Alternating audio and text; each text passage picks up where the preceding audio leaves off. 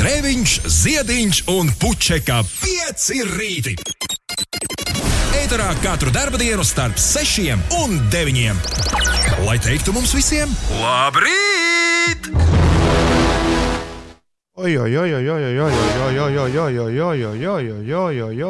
Tā gan nevajadzēja būt. Tā gan nevajadzēja būt. Šitā vajadzēja būt.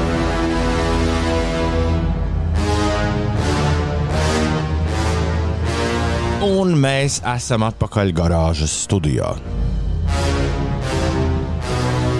Saka ar pārbaudu, vai mēs esam atpakaļ garāžas studijā. Uldī, labrīt! Labrīt! Ines, labrīt! Labrīt! Radio viss skan normāli, Uldi. Pārbaudīju. Nezinu vēl. Pā- Pārbaudi, pārbaudi, vai viss skan normāli. Jā, viss skan ok. Fuf. Labrīt. Jā, atpakaļ garāžā. Pirmdienā, 22. februārī 2021. gadā. Uldis atpakaļ. Ja, kaut ko tu bišķies pārkārtojis, tu esi tuvāk džinsām, kuras ir pie griestiem. Nē, tie nav Datora džins, tas ir leņķis, man liekas, ir cits. Ines, Ines joprojām Gan? ir tieši turpat, kur vienmēr ir bijusi. Jā. Savā, Jā, savā gaišajā istabā. Tā nu mēs turpinām pa mājām. Gluži tāpat kā daudz no jums. Daudziem no jums savukārt, jā, nav nekāds pa mājām jāceļas. Un šodien jādara lielas lietas, jo mazām lietām jau atkal nebūs vietas. Smejies vai raud februāris, tūlīt būs cauri. Divi mēneši no gada. Divi pīrādziņi no gada 12 jau būs noēsti. Tā nu tajā dzīvē notiek. Un šorīt es vēlos sākt ar kaut ko ļoti lēnu, mierīgu un uh, pārdomām pilnu, iespējams. Varbūt varētu sākt dziedāt precīzi, mīļā dāma, ar ukuleli.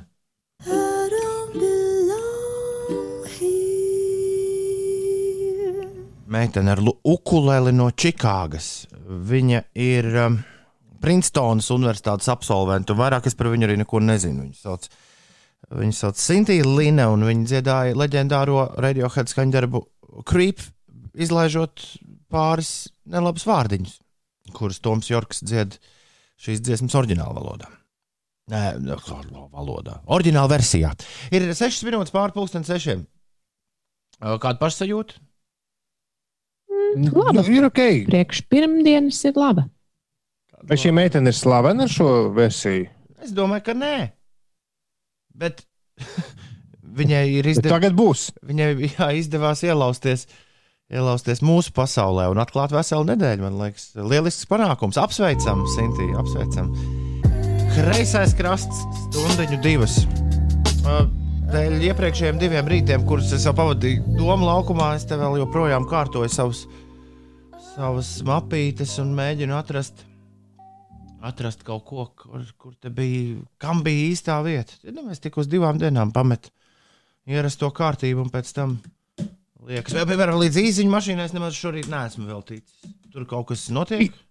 Īziņā mašīnā mums ir atrakstī, atrakstījusi sliktā meitene, kurai bija kreizī nedēļas nogale. Un uh, jūlijas, ja tā viņu sauc, kurš saka, ka Jā, vai šī, veltiņa, vai, vai šī pirmā dziesmiņa veltīta dod pieci draugam, kuram šodien izšķirošā diena. Neko par to nezinu. Bet, uh, Mhm. bet es gribētu, lai trešā dziesma, kur tūdaļ skanēs, lai ir veltīta visiem tiem, kur tiešām feeling good, arī ja svētdiena ir beigusies.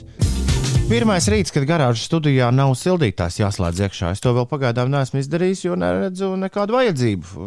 Višķi varbūt, višķiņi varbūt ceļu rajonā liekas, ka tā vēsāks, bet savādāk rīktīgi feini. Aiz loga mīnus 2 grādi. Man rāda tā termometrs. Kā rāda citiem, Ines pastāst varbūt. Par termometru stabiņiem. Šobrīd nu, gaisa temperatūra, piemēram, Staļģinē ir mīnus 3,4 grādi, savukārt Kolkā plus 3,7 grādi. Lielākajā valsts daļā debesis ir skaidras, ziemeļaustrumu novados mākoņainas, nokrišņu nav un visā valstī ir doma, ka vietām arī mīgla un autoceļi apladošajos siltajos laikapstākļos. Šajā dienā lielākajā daļā Latvijas eh, laikapstākļi būs saulaini un pārsvarā silti pavasarīgi silti. Pat. Rīta pusē daudz vietā gaidāma migla, kas vēlāk izklīdīs, vairāk mākoņu vidzemes ziemeļaustrumos, bet vakar pusē mākoņu daudzums palielināsies arī citviet.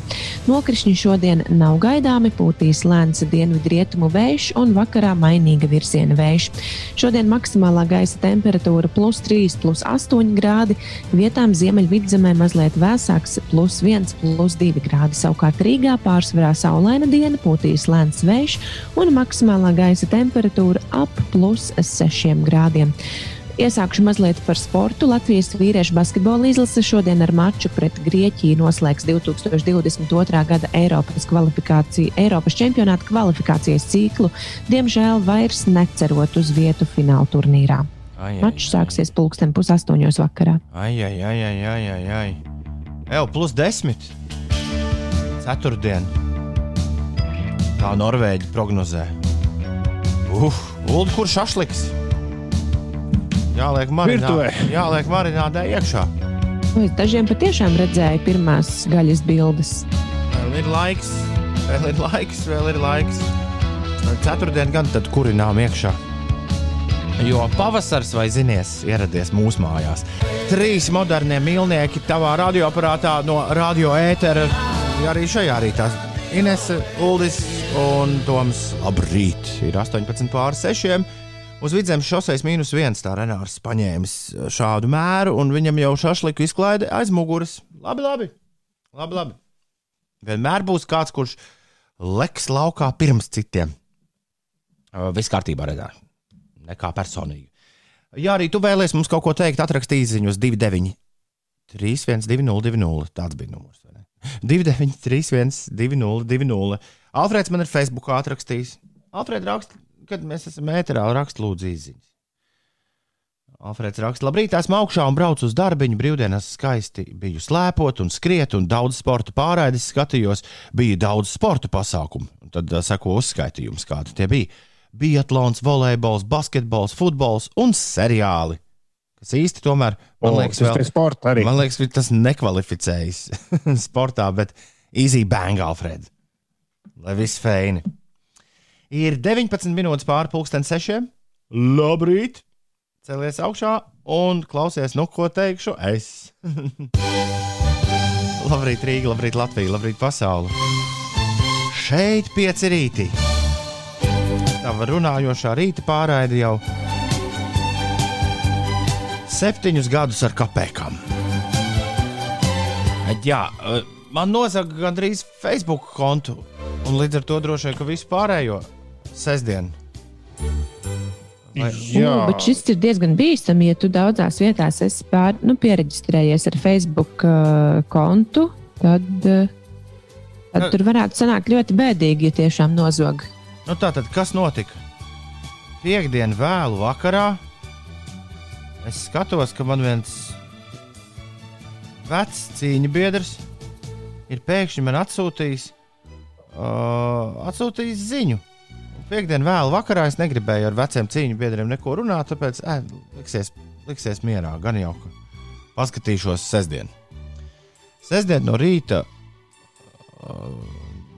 izskrēja, man šķiet, tur vēl kaut ko, vēl kaut ko, un pēkšņi tādu pilnīgi liek, ie- skatos, oh, jā, jāapstāsta, jāapstāsta, ko tad Ignāts man ir atsūtījis.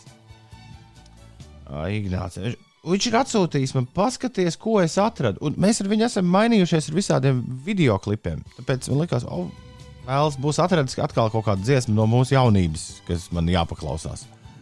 Video klipā vai kā. Un es spiežu virsū uz to, paskaties, ko es atradu. Un uh, nu, vairs jau nevar. A, ne, vēl, var, vēl tur viss darbojas. Mēģināšu parādīt Inesē Nuldim. Nu, tur atveras. neredz viņš tāds Baltu ekrānu mēs tikai Ā, redzam. Jā, žēl. Nu, tur, atrod, tur atveras uh, mājaslapa, kuras adrese ir securecampaigner.com, ko, protams, es nepamanu. Bet tālāk ir ļoti parasta Facebook ielogošanās forma. Kā tas mēdz gadīties, ka, ja tu vari Facebook vaļā, nu, nevis caur Facebook lietotnēm, ja lietotne neatpazīst, ka tev tas ir jāver vaļā, bet, ja tu to vari caur mobilo internetu, tad ļoti bieži ir tā, ka tev ir nu, jāielogojas iekšā, lai redzētu to saturu, Jā. kas tur ir. Nu, es to veiksmīgi izdaru. Un nākamajā lapā es ieraugu, ka tur ir paziņojums, ka es esmu kāds 50. laimīgais Facebook apmeklētājs šodien. Un es ļoti labi saprotu, ka tas nav, ka tas nav Zuckerberga kungs. Kurš, ā, pie kuras es esmu tagad nonācis, un es ieraugu adresi, kurā es atrodos. Un es paniski metos, metos pie datora, lai mainītu paroli Facebook. Tad es saprotu, ka es esmu šo pašu paroli, kuru es nesen uzliku Facebook. Es esmu arī uzlicis Google. Un es dodos skrienu mainīt arī Google paroli, jo garnaģiem tagad ir visi mani tie dati abonami. Nu, traki. Ko es iemācījos? Iemācījos to, ka ir laikam, esmu pietiekami pieaudzis, lai beigtu lietot vairākās vietās vienu un to pašu paroli. Nu, tam tā kā jāliek punkts. Un otra lieta, pēc tam sēžot un apdomājot šo situāciju, es sapratu, ka nu, neko jau viņi ar to manu paroli dēļ divu pakāpju verifikācijas nebūtu varējuši arī izdarīt. Jā, tas labi, ka tev tā ir ieslēgta, bet ne, nebija nekādi, nekādas īsiņas, ka kāds būtu mēģinājis pieslēgties. Vai... Nē. Nē. Es to izdarīju ļoti ātri. Nu, burtiski no brīža, kad es nospiedu, ka es, kad es sapratu, ka es esmu viņiem aizsūtījis savu loginu un paroli. Kopā pagāja minūte, līdz es biju jau nomainījis. Jo tā bija pirmā reakcija man. Bet tad es sāku domāt jā, par to divu pakāpju verifikāciju. Es pat šorīt te, vi- te neko nevarēju palaist pirms nesaspiedu verifikācijas. Arī Tu jums lieto to autentifikātoru aplikāciju vai caur īsiņām kaut ko? Nē, man, man nekas nav jālieto man caur lietotnēm. Vienkārši parādās uzraksts. Androidos mums ir tāds, ka parādās uzraksts. Vai tu šobrīd ie, ielogojies? Jā vai nē? Nospied jā. Un tad viss darbojas. Es neko Ā, īpaši tas ir es neko- telefonā, ja? Jā, es neko īpaši neesmu lietojis. Cīņu biedrs, cīņu biedram aizrakstīju pāris sarkanus vārdus. Cīņu biedrs raksta uzlauza. Šī nav uzlauza, draugi. Šī nav neskaitās uzlaušana. Nu, savā ziņā skaitās gan. Kāpēc ne? Šī ir makšķerēšana. Pīk, pīkšķerēšana, ja? tā to sauc uh, oficiāli. Nu, kad tu pats Latvijas uzraksti pāroli, ja? kad tu pats iedod. Ikšķerēšana, jā. Man, man, man nesen sūtīja, man sūtīja vienu paziņu video. Ah, tas ir video ar milzīgu, arī tas pats Secure Campaigner, kom, bet uh, virsraksts ir milzīgiem burtiem OnlyFans.com. Un uh, teksts ir izskatās, ka tu.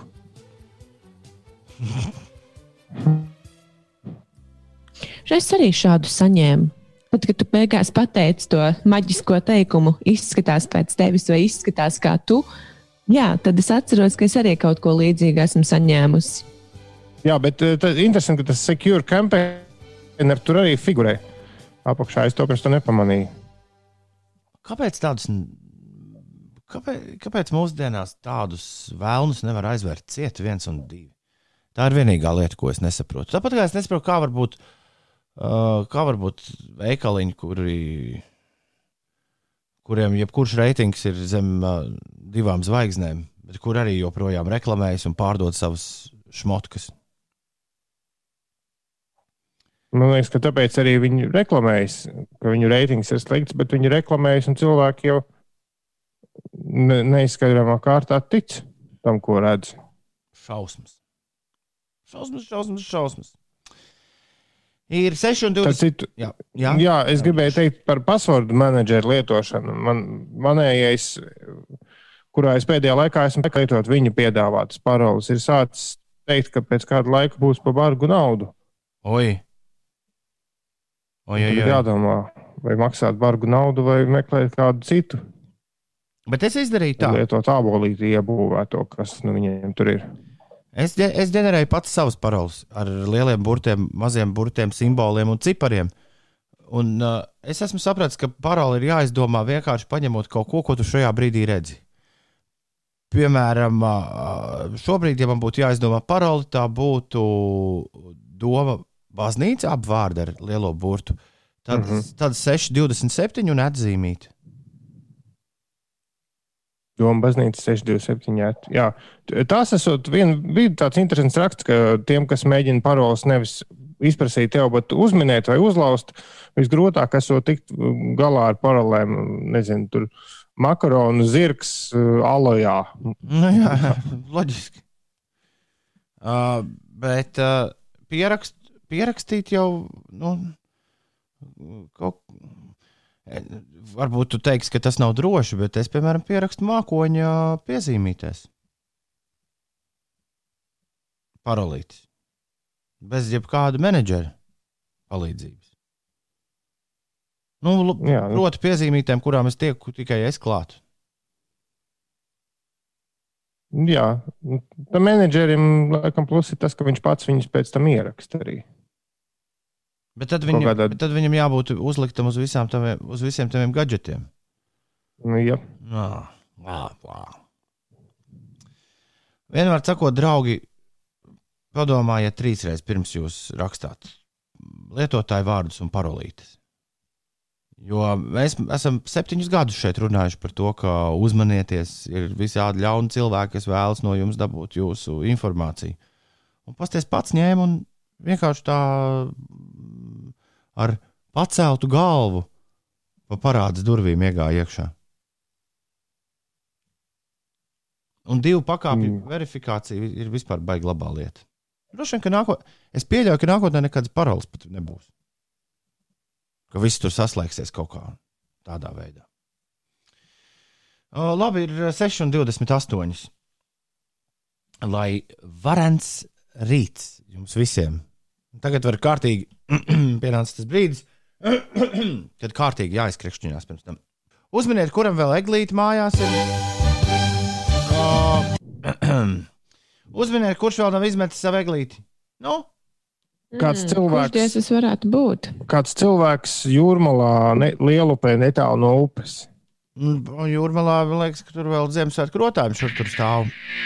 Jā, es zinu, droši jau vakar braucu garām un ar tādu prieku noskatījos, ka vienā mājā caur logu varēja redzēt, daudz dzīvokļu mājās, starp citu, Hruščovkā varēja redzēt, ka vēl eglis stāv ar visām gaismiņām. Bet kamēr, kamēr aiz loga ir sniegs, kāpēc ne?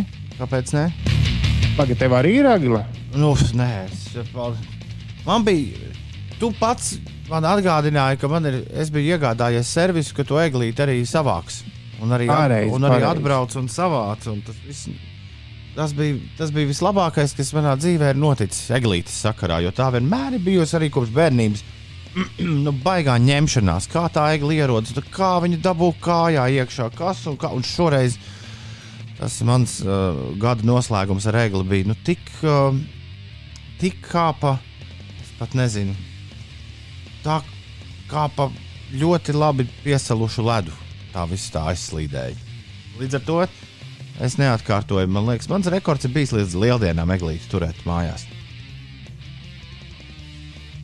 Nu jā, cik ilgi es izvilkšu, nezinu. Nē, patiesībā es zinu, ka tas nebūs ar ilgi. Jā, Ines Eglīte manās mājās joprojām. Dzīvo ar visiem rotājumiem. Tos gan vajadzētu novākt. Bet uh, Vajadzētu Lai jā. viss, ko man teica, man ir egli podā.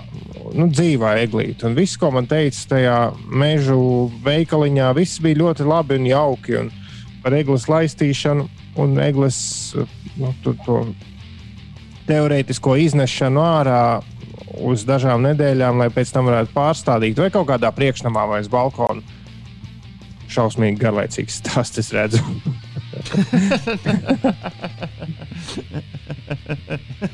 Bet, Bet šis ir pats Jā. interesantākais, kas noticis mūsu dzīvēm.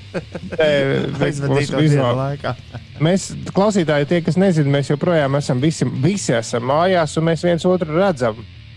To es redzēju, cik garšīga žāva bija to sākot stāstīt par eglīti. Bet, labi, īsumā, nē, eglīte jau uzreiz pēc Ziemassvētkiem, pēc jaunā gada izdzina tādus ļoti skaistus zaļus dzinumus augšā. galotnē. Tad, kā vēl viena galotne sāk augt, un es domāju, o, forši eglīti dzīve un tā. Bet uh, vakar es atradu kādu rakstu vienā portālā, tādā ar laukiem agrāk stipri saistītā portālā, kur raksta, ka tajā brīdī, kad iznāk tie, kad egli atdzīvojas un sāk veģetēt un parādās tie jaunie dzimumi, tajā brīdī tā egli ir dūmta, tā ir nolemta. Jo tā ir ir nolādēta. nu, drīzāk nolemta. Jo tajā brīdī eh, egli ir atdzīvojusies, un viņai aiziet vēlreiz ziemas miegā, esot faktiski nereāli.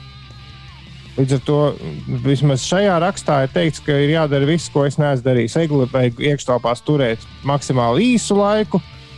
Un tā taisnība jau ir, jo mana egli ir sākusi ines brūnot. Tā ir kļuvusi redzama brūnas, ko es pagaidām vēl nebirstu, bet es domāju, ka tas ir tikai dažu dienu jautājums. Tātad tūlīt lieldienām neizvilks ar Nē, egli. nē, nē. Ja nu izņemot tādu brūnu egli bez skujām. Bet šogad ir Ja vien ātrs klausītāji lieldienas. redzētu to skatu, ko es redzu uh, zūmā. Kuldis sēž pielicis roku pie pieres, tāds norūpējies, skatās uz egli un domā, jā, līdz lieldienām neizvilksim. Jā, bet morāli tā tad egli podā ļoti forša lieta, bet vajadzētu tomēr uzreiz pēc jaunā gada, jo visu janvāri tā egli bija pilnīgi, pilnīgi absolūti, nu, man šķiet, ka dzīva un lietojama, un, un tikai tagad pēdējā nedēļā divās tā ir sākusi kļūt tāda aizdomīga. Un varbūt, e, gan jau, ka tas sausais gaiss ir pie vainas, jo tie rakstā arī bija teikts, ka jūs varat egli laistīt, un es arī tur sprikšķināju ar ūdens to, nu, ar gludzināmo to tur. Bet tur teikts, ja jūs neesat gatavi to darīt katras 3-4 stundas, tad sausajā gaisā dzīvoklī eglē nepietiek ar to laistīšanu reizi vai divas nedēļā. Viņai vajadzētu savu lietus mašīnu. Nu, faktiski, jā, kas kaut kādus tā mitrinātājus, vēsu gaisu. Nu, galvenais ir mitrums. Mitrums trūkst, un man dzīvoklis ir sauss, es to jūtu. Nu, tagad, kad ir augstums radiatori. Jā, mans arī. Bez 20 minūtēm, 7 ir pareizais laiks. Labrīt, Ines, pastāsti, kas notiek? Pastāstīšu arī. Eh, Šodien ir gaidāms eh, svarīgs notikums Aivara Lemberga tiesas prāvā. Apsūdzība ir par kukuļu ņemšanu, sevišķi lielos apmēros, par eh, noziedzīgi iegūtas naudas un mantas legalizēšanu, dokumentu vil viltošanu un vēl cito, citi noziegumi. Bet katrā ziņā pēc 12 gadus ilgas tiesāšanās šodien paziņos pirmās instances spriedumu šajā lietā. Un šodien klātienes mācības 1 līdz 4 klašu skolēni var atsākt 22 Latvijas pašvaldībās, kas atbilstoši valstī noteiktiem kritērijiem uzskatāmas par epidemioloģiski drošām. Iepriekš slimību profilakses un kontrolas centrs lēma, ka tās varētu būt 25 pašvaldības, kur skolēni 1 līdz 4 klašu skolēni varētu atsākt mācības. Tomēr pašām izvērtējot epidemioloģisko situāciju novadā, uh, Skrīveri, Pļaviņas un Cesvaina. Jā, viņi ir nolēmuši, ka šajās trīs pašvaldībās tomēr skolēni vēl uz skolu nedosies un turpinās mācības no mājām. Latvijas vīriešu basketbola izlase šodien ar maču pret eh, Grieķiju noslēgs 2022. gada Eiropas čempionāta kvalifikācijas ciklu, vairs necerot uz vietu fināla turnīrā. Jau ziņots, ka sestdien Latvija ar rezultātu 65 pret 66 piekāpās Bulgārijai un zaudēja izredzes iekļūt fināla turnīrā. Jā. Zaudēja izredzes iekļūt finālā. kur nespēlēs kopš 1999. gada. Žēl. Žēl. Jā, Oskaram, interesants jautājums. Man vismaz tas šķiet interesants. Tom, vai tu basketbolā liki mūziku sestdien? Nē, es neliku mūziku sestdien basketbolā. Lai arī viena no manām profesijas šķautnēm ir sporta dīdžers, es neesmu basketbolā uzstājies vairāk kā reizes, divas vai trīs.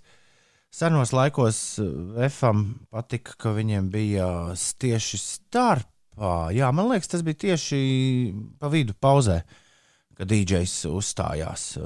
Tad man šķiet, kādas pāris reizes es to esmu darījis. Un tad vienreiz tiku uzaicināts arī, nu, droši vien gribēju pamēģināt, kādu būs arī paspēlēt spēles laikā. Bet basketbola dīdžiošana ULD ir, uh, ir pilnīgi, pilnīgi šausmas. Tur ir Salīdzinot. daudz ātrāk un uh, Jā, jā, jā, tur ir. Nu, tur ir bezmaz vai jāizmanto tikai dziesmu ievadi vai, vai, vai kaut kā tā, un, un vajag daudz. Izlieto, ja hokeja apmēram tiek izlietotas spēles laikā 40 dziesmas, jā, tad uh, basketbolā tu izmanto ap 100. Sanāk, teiksim, Ja basketbolisti izm- ne, protams, ir jau, arī, ir jau arī tādi sporta dīdžeji, kas atkārto spēles laikā dziesmas. Es to nekad nedaru. Vai vismaz cenšos nedarīt. Sanāk, ba- basketbolists izmet bumbu, iemet, iet, padod bumbu eh, tren, tiesnesim, un kamēr tiesnesis to bumbu divreiz uzdribināja pret zemi, Jā. kaut ko tur nosilpis, Jā. nobļaujas, un Jā. tad dod viņam atpakaļ. Tajā laikā jau tev kaut kas jāspēlē. Jā, jā, un tās jā. ir burtiski 5 sekundes. Jā, jā, jā, jā, jā, jā. Visvieglāk ir boxā, Ines. Jā, kas bet, tur ir vieglāk? Bet, bet visatbildīgāk. Tāpēc, ka tur ir atkal viss ļoti lēni notiek. Priekš dīdžeja. Bet, nu, nedodies, tu uzliks kaut ko, kas nederēs. Tu būsi vainīgs. Skaidra lieta. Skaidra lieta. Es gan nekad neesmu ar māju pļāpājis, vai viņš vispār dzird tur tās dziesmas. Nu, pirms, vai drīzāk pat kaujas laikā. Es pieļauju, ka nē, ka tajā brīdī Ir varētu būt, ka esi cits, jā. Jā, kaut kas cits bija galvā. Tā varētu būt, tā varētu būt. 6,47. Tagad būs.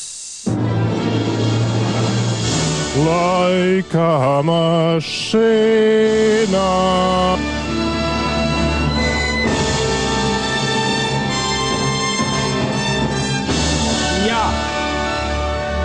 Laika mašīna ir klāta. Mēs dodamies laika ceļojumā, un jums ir jāpasaka, kas izpilda šo brīnišķīgo grāvēju.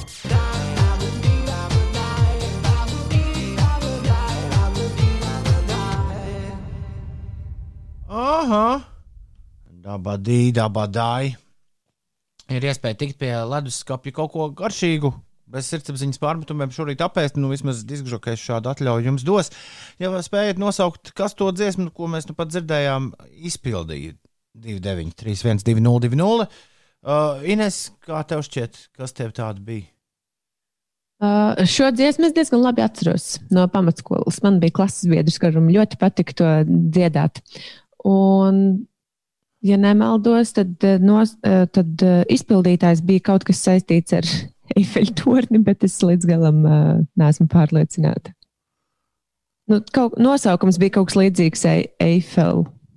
Jā, un kas tur vēl bija?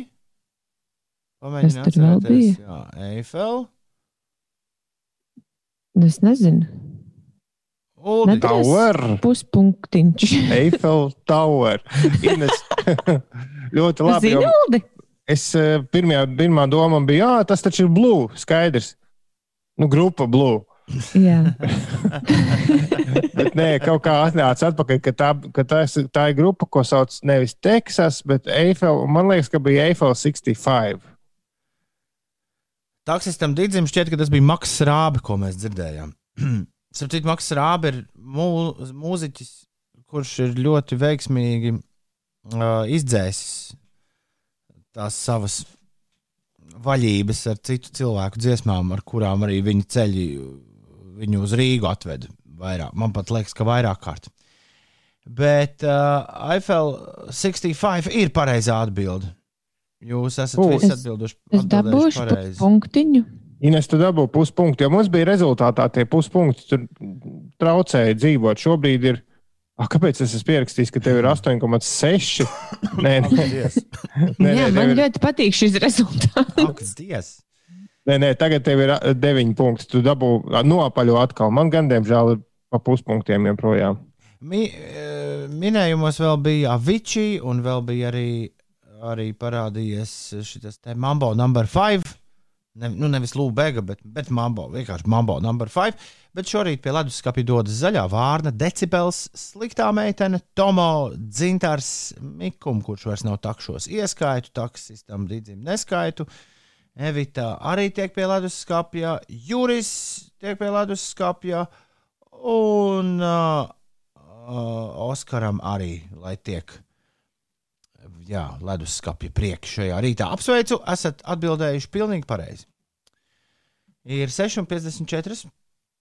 Un tagad man prasās multivitamīni. Bet uh, vispirms jautājums, vai tur esnā runča izziņu? Ulu saprot, ko viņš ir mēģinājis prasīt. Jo man ir diezgan grūti uh, saprast. Nu, Kas- nu, mēs kas kaut kādās. Ra... Mēs ar šo mēs cīnāmies jau kādu laiku. Mēs paši visu kaut ko salabojām, un ķūnins ar laikam tika salabots, bet visādās uh, kreisās radiolapās, kuras ņēma mūsu signālu vienkārši pašas, Jā, tur viņš nav atjaunojies droši vien. un ko lai dara? Tāda dzīve. Nevis Tur, tur var ierakstīt atsauksmi un ieteikumus. Kur, oh, aizēj un uzraksti. iPhone 65 izklausoties pēc uh, manas Facebook paroles, tā raksta Arnis. Pa īsu. jā, tur vajag cik tur Tur tos vēl simbolus. Kā Ulrichs teica, nu, ka tur vajag klāt kaut ko pilnīgi stulbu vēl pielikt. Nu, piemēram, iPhone 65 ēta izsaukuma zīmē šis kvadrātiņš, ja? nu, hashtags. Jā, Un klusums spēks. Abi divi taisa sāli. Klusums spēks taisa sāli. Lieliski parole. Tikai lūdzu, nelietojiet tieši šīs paroles, kuras mēs saucam. Mēs vairāk demonstrējam veidu, kā uh, štukot pašiem savas paroles.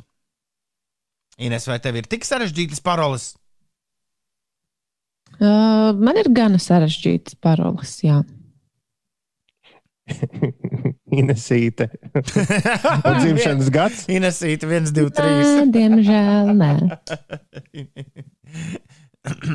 Man patīk tie kameri, kas kaut kur raksta cilvēkiem un prasa, sveiki, eh, jūsu, eh, jūsu mamma ir vinējusi loterijā, bet, lai, to, lai tiktu pie balvas, mums vajadzīgs zināt viņas, mā, nu, viņas meitas uzvārdu pirms laulību. Tas ļoti bieži ir jautājums paroles? Jā, jā. paroles atgādināšanai. Nu, jā, jā, jā.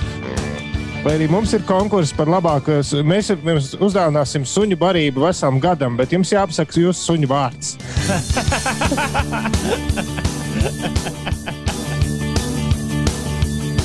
Kur šādas ziņas tiek sūtītas e-pastā? Es nezinu, es esmu dzirdējis, ka tā ķer cilvēks uz muļķi. Vienkārši acīm redzot, es e-pastu gandrīz nelietoju. Labu rītu, saka saule. Labu rītu, šalko vējš. Bišķi vēss, bet pa dienu būs silts un tagad kļūs tikai siltāks, siltāks un siltāks. Interesanti, cik ātrā laikā nokusīs tas viss, uh, tie visi sniega blāķi, kas šeit bija. Līdz ceturtdienas šašlikam būs nost, vai vēl kādu laiku paliks? Kā jums šķiet? Nu, man šķiet, ka čūpiņas jau vēl būs. Jā, nu kā kurā vietā, kur tas sniegs bija plānāks, tur ātrāk nokusīs. Internets sataisīts. Oh, es to visu piekdienu meistari ņēmās. Internets sataisīts. Gar, garāžas studija ir atkal piešķilta. Jā, ko viņi bija atstājuši? Nu kā, nu kā reizēm pēc meistariem, ka visās malās ir uh, skaidrs un kaut kādas sadauzītas flīzes un putekļi un viss jāslauka, jāmazgā Es ceru, ka es nebūšu rūtariem nodarījis uh, gauži. gauži, jā, jo man liekas, tā elektrības raustīšana iekšā ārā bija pilnīgi lieka. Nu, beigās visas lietas, lietas apstākļus tā saprotot. Bet, bet neko, neko citu tu nevarēji darīt. Tā ir tā tiesa, tiesa. Nu, svarīgi tas, ka re, mēs esam visi kopā. Jūs mūs dzirdat, man nav jāriskē ar, ar, ar, riska lietām, un jābūt domu laukumā, un mēs varam mierīgi turpināt to, ko mēs darām. Labrīt, sveicieni visiem domāšanas dienā, rakstā Jēna. Viņa apskatījusies, ka šodien tāda. Nu, labi. Tā ir uh, skautu un gaidu uh, svētki. À, To organizē visā, visā pasaulē šajā dienā. man liekas, ka jāapsēžas vienkārši. Uh, jāapsēžas. Apdomāties? Nu, jā, jā, jā, jā. Kaut kas jāizdomā. Mēs jau, to es, mēs jau to esam izdarījuši pirms raidījuma, vai ne? Tiesa. tiesa. Jā. Bet ne, šodien visā pasaulē ska, skauti un gaidas un skauti domās par saviem uh, cīņu biedriem. Padomās. Šodien ir arī uztaisīts saldo kartes. Hmm. Es te nesen redzēju, ka Latvijā arī audzē saldos kartupeļus. Jā, jā. Kāpēc? Kāpēc lai neaudzētu? Nu, tāpēc, ka viņi nāk no Dienvidamerikas un uh, ir pieraduši augt tādos siltākos apstākļos. Man piekdien bija saldie kartupeļi, garšīgi, bet sāli prasās. Uh, šodien Daudz. ir arī spēlē vairāk kārtas dienu. Es nezinu, vai šis ir ieteikums, kur vai Ulim nederēs. Rekur, šodien ir arī, ah, nē, esot vesela nedēļa. Īstas maizes nedēļa, ak, vai. Tas ir tieši tas, no kā es esmu at- atteicies šobrīd.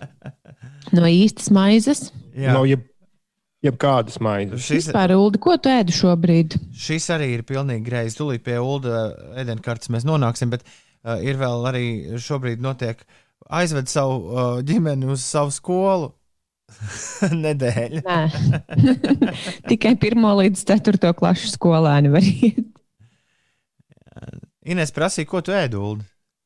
Ko es ēdu? Mēs par to varbūt varam parunāt pēc brīža. Oh, yeah!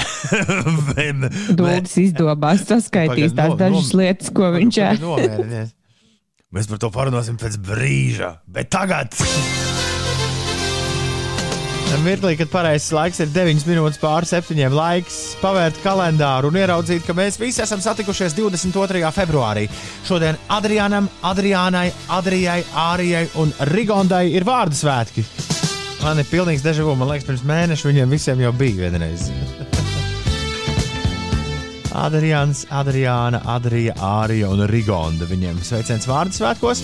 Daudz laimes dzimšanas dienā aktrisei Baibai Indriksonai, politehnologam Jurģim Liepniekam šodien dzimšanas diena. Aktierim Uldim Štelmacheram ir dzimšanas diena. Džeimsam Blantam ir jubileja. Es atvainojos, uh, jā, piedodiet, aktieris laikam, diemžēl, nav vairs starp mums. Drūberi Morai, amerikāņu aktrisei, ir dzimšanas diena. Un vienam no vīriem, kurš ir atbildīgs par kriminālās ekscelences fondu, kurš, starp citu, pa ilgiem laikiem varētu atkal kaut kad uzlikt un paskatīties. Jurim Pīlēnam šodien, operatoram, daudz laimes dzimšanas dienā. Jurij, lai viss faini! Ir desmit minūtes pār septiņiem. Šeit piecēlē un Celeste Love is back! Pirmdienas rītā. Labrīt, labrīt. Daudz laimes dzimšanas dienā lieliskākajai sievai, Marikai. Edgars Mariku sveic šajā rītā, izmantojot radio viļņus. Un Dārsa ziņo, ka ietves vizuļo sālī un ledus tik nemanāms un slidens lēni un prātīgi dodaties ielās. Jā, nu tagad kaut kādu mirklī, vai ne, kamēr uh, viss tā kārtīgā kārta, kas bija kas bija izveidojusies, nokusīs, būs atkal tas brīdis, kad diezgan bīstami pārvietoties pa ietvi.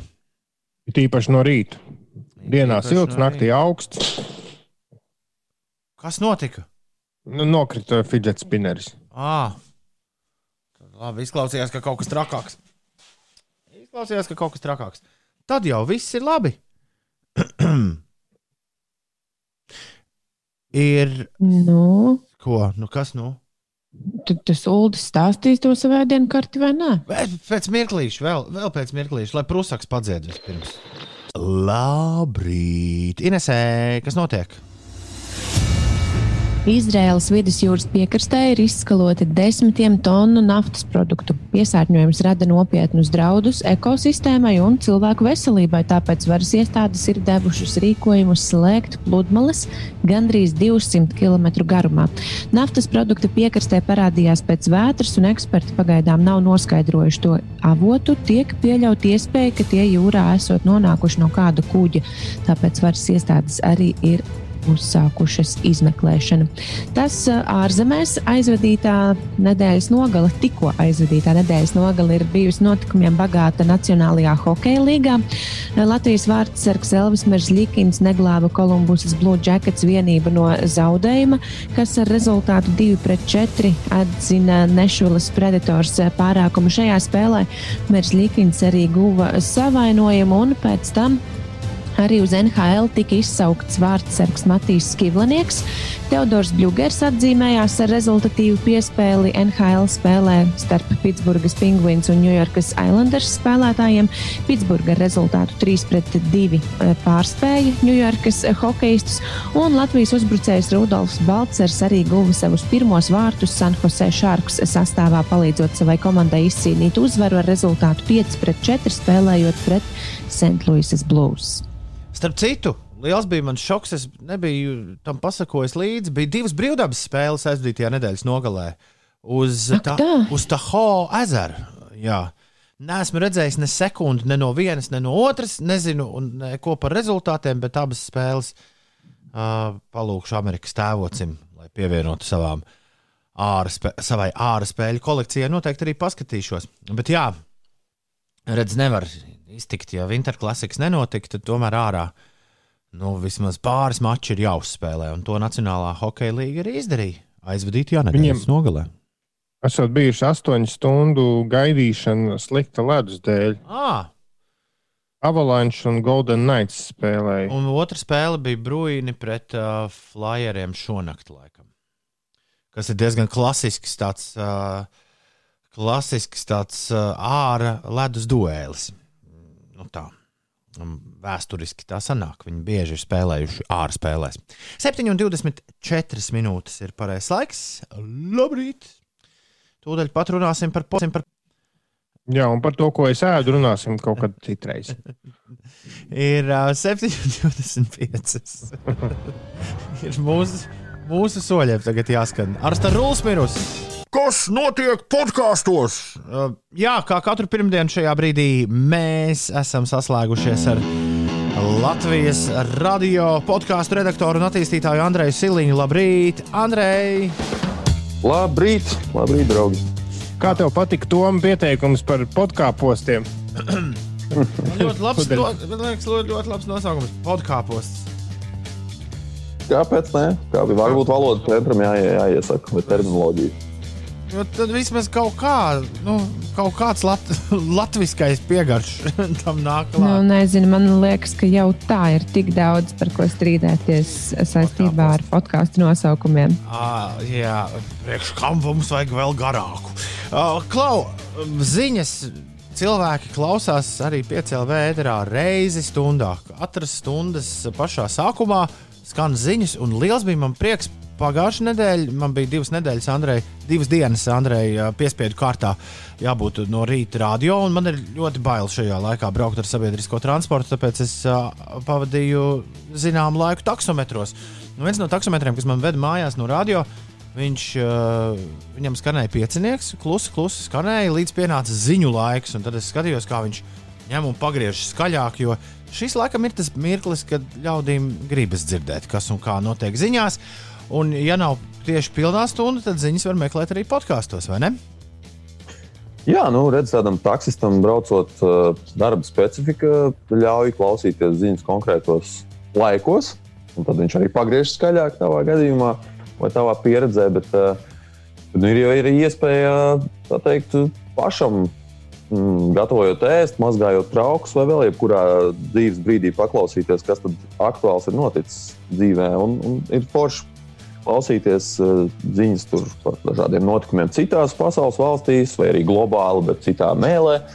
Bet nu, ir arī forši un iespējams pat vēl foršāk klausīties uh, ziņas savā dzimtajā valodā. Un, un, un mēs, Latvijas radio, eh, šādu iespēju arī, arī nodrošinām. Un ziņas, eh, ziņas piedāvājam Tas ir pilnīgs jaunums, vai ne? divreiz dienā. Jā, tas ir jaunums. Nu, mums iepriekš ir bijis politikas podkāsts, ekonomikas podkāsts, kur ir, ir šīm tēmām, šīm tematikām paredzēts saturs. Tagad mums ir arī dienas ziņas. Tieši tā, ja jūs rakstīsiet meklētājos savā podkāstu lietotnē ziņas, tad uh, dienas ziņas arī jums parādīsies. uh, Kā, kā tas piedāvātais saturs, nu, tur ir ziņu izlaidumi divreiz dienā. Uh, Tie ziņu mm, izlaidumi kas uh, skan 12 un 18. Nu, varbūt nedaudz vēlāk, citreiz parādās uh, podkāstu aplikācijās, bet pa pusstundai par aktuālo uh, par, par dažādiem lēmumiem un, un notikumiem, kas ir tajā dienā bijis visaktuālākais gan Latvijā, gan visā pasaulē. Un kas zīmīgi tieši PCLV klausītājiem, šie lielie garie ziņu izlaidumi pie mums neskan. Līdz ar to tas ir tieši tas, kas jums ir vēl nepieciešams, lai vēl vairāk saprastu, kas un kā notiek. Un, uh, jā, forši es nu pat piesakoju. Un pasaulē savukārt ir, ir ļoti daudz gan šādu podkāstu, gan arī podkāstu, kur būtu apskatīts kaut kādas konkrētas tēmas. Nu, ja es uzreiz drīkstu savilkt, zinu, ka Ulim ir kāds podkāsts padomā, bet, ja es drīkstu savilkt uzreiz ar Latvijas radio saturu, tad mums ir atvērtie faili, kas ir līdzīgi kaut kāds. Kaut kas tāds, kāds pasaulē varbūt ir The Daily podkāsts. Nu, tur gan tas ir katru dienu.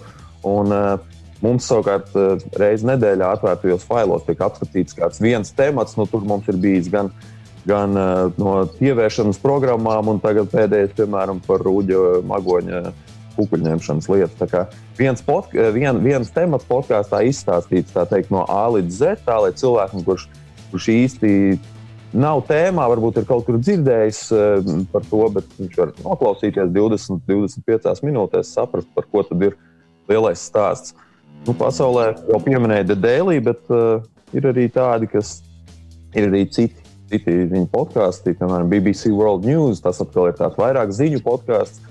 Uh, par to jau stāstīja decembrī, ka tas bija uh, savukārt ļoti interesanti tādā ziņā, ka Itālijā tas bija visklausītākais podkāsts jā. Apple lietotnē.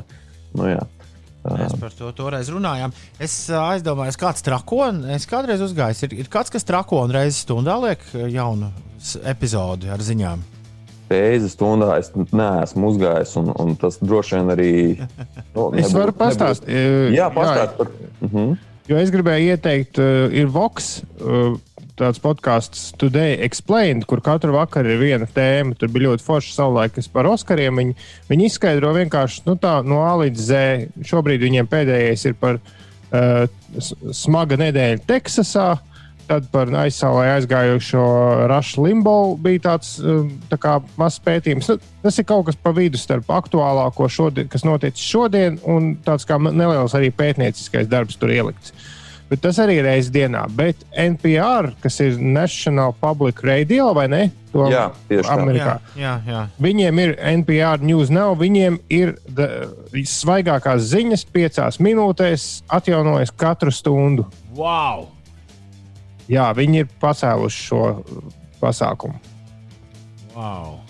Viņa ziņas gan ir. Es mēdzu klausīties pāris radiostacijas Amerikā, kas izmanto viņu ziņas. Uh, viņa ziņas gan ir uh, nedaudz specifiskākas nekā mēs to iedomājamies. Jo viņi arī ļoti bieži paņem un ziņu izlaidumā iz, iziet cauri vienam tematam, bet vienalga šis ir, šis ir vareni. Šis ir 5 vareni. minūtes stundā, jā, kāds to izrādās dara. Super! Nu, vienīgi ar to NPR gadījumā uh, mazliet ir problēma ar to, ka tas nav klausāms visās uh, nu, tajās lielākajās lietotnēs. Nu, viņi, re, kur viņiem ir uzskaitīts, ir Apple, Google, Pocketcasts, Alexa, Spotify Mhm. un viņi paši. Tā kā viņi laikam ir. Man, jā. Jā, Nu, man Spotify, man Spotify nepiedāvā viņu, viņu, viņu saturu vairāk kā vienu uh, epizodi. Varbūt, uh, varbūt tā ir mana Spotify Nē, kaut kāda kļūda. tas Nē. ir tieši tas, ko viņi dara. Nu, viņi neliek tā epizode vienkārši visu laiku apdētojas. Skaidrs. Tas ir super. Jā. Jā, tu neklausies uz atpakaļ, bet tev visu laiku ir jaunākās vienkārši ziņas. Jebkā jau ielikts arī 5LV, nu, oficiālajā sauklī, uzgriez un ir. un par to mēs arī te pirmdienās parasti runājam. Paldies, Andrej! Būsim par podkāstiem nu parunājuši. Tiekamies atkal pēc nedēļas. Čau! Čau! Ā, tā. Labrīt, pirmais, ko izdarīju, iznākot no mājas, nokritu. Labi, ka skrāpi nopirku jau vakar.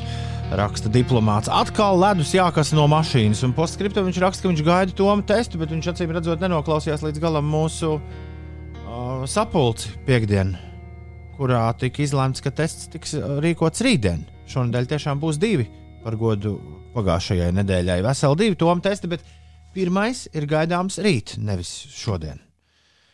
Ir 7,39. Mums ir pāris sekundes laika, Ines, to ulu tomēr nopratināt par to viņa ēdienkarti. Nu, aiziet. Ja, ja, ja Ulas tiešām ir apņēmies kaut ko pamatīgi mainīt savā, uh, savā svaru displejā, tad tur vajadzētu būt salātiņiem un nekādām žāvētām gaļiņām. Bet vai tā viss būs? Nu, uzreiz jāsaka, ka gavēnis nav diēta. Nu, Es- es, ok, labi. Jā. Man nav plāns piekopt diētu. Plāns bija atbrīvoties no lietām, no kurām es jūtu, ka es vienkārši nevaru atteikties pats, nu, kuras kaut kādā veidā izraisa atkarību. S- Tas ir pilnīgi noteikti bulciņas, pilnīgi noteikti maize. Visās iespējamās izpausmēs es esmu pilnīgi dūls uz maizes. Rād- vag- Pagājušajā nedēļā radio bija sag sagriezts lavašs, un es stāvēju un ņēmu zupiņu un domāju, nu, nu kā es ēdīšu zupu bez tās maizītes. Un Tas, liek, tas liekas vienkārši neiespējami apēst zupu bez maizes. Nu, Lūk, un tad es esmu nogriezis nost maizi, līdz ar to atkrīt arī visi veidi viesmaizītes. Es ņemos ar kaut kādām tām galetēm mazliet un tā, lai kaut ko vismaz ēstu. Un uh, jebkāda veida būciņas, našķi, čipsi, uh, saldumi uh, un limonādes. Un stiprie dzērieni. Bet žāvētas, žāvētas desiņas tās gan. Rezultātā sanāk, ka es principā varu ēst gandrīz jebko. Es secināju, nedēļas nogalē es tā ar lavašiem mazliet niekojos, un, un arī gaļu es nekādā veidā neierobežoju. Īstenībā nav nemaz tik traki, bet tās maizītes tā gribējās pagājušajā nedēļā. Jautājums, vai tas dos rezultātus. Tas, man liekas, būs visinteresantākais, bet par to mēs runāsim aprīlī. Ir bez 20 minūtēm 8 no rītā. Tā, Ines, laiks tev Jā, stāstīt, kas notiek. Šodien saulē sildot gaisa temperatūra vietām kurzemē un zemgales rietumu daļā varētu sasniegt plus 10 grādu atzīmi, bet Latvijas lielākajā daļā gaisa iesils līdz plus 2, plus 7 grādiem. Ziemeļa austrumu novados debesis apmāksies, daudz viet valstī spīdēs saule un būtiski nokrišņi nav gaidāmi, vietām būs arī migla. Būtīs lēns vējš un eh, gaidāms augsts gaisa piesārņojums. Siltākā gaisa kvali eh, sliktākā gaisa kvalitāte būs pēcpusdienā un vakarā galvaspilsētā. Vēlams izvairīties no fiziskām aktivitātēm, sevišķi brīvā dabā. Rīgā gaisa temperatūra arī iespējams sasniegs plus 7 grādu robežu un vējš būs lēns, gaidāma dūmaka un smogs. Tas eh, galvaspilsētā. Par situāciju uz autoceļiem Latvijas valsts ceļi vēsta, ka Nu jau teiksim tā, ka lielākajā daļā valsts galvenie autoceļi ir notīrīti, bet vietām tāpat ir jārēķinās ar apgrūtinātiem braukšanas apstākļiem. Ceļi ir apladojuši īpaši Rēzeknes apkārtnē, arī Pierīgā, vairāk uz kurzemes pusi un kurzemē autoceļš, piemēram, Kuldīga Liepāja, Liepāja Saldus un Tukums Dobela. Bet eh, jā, citviet gan izskatās, ka situācija ir apmierinoša uz autoceļiem. Kas tas bija, ko tu stāstīji?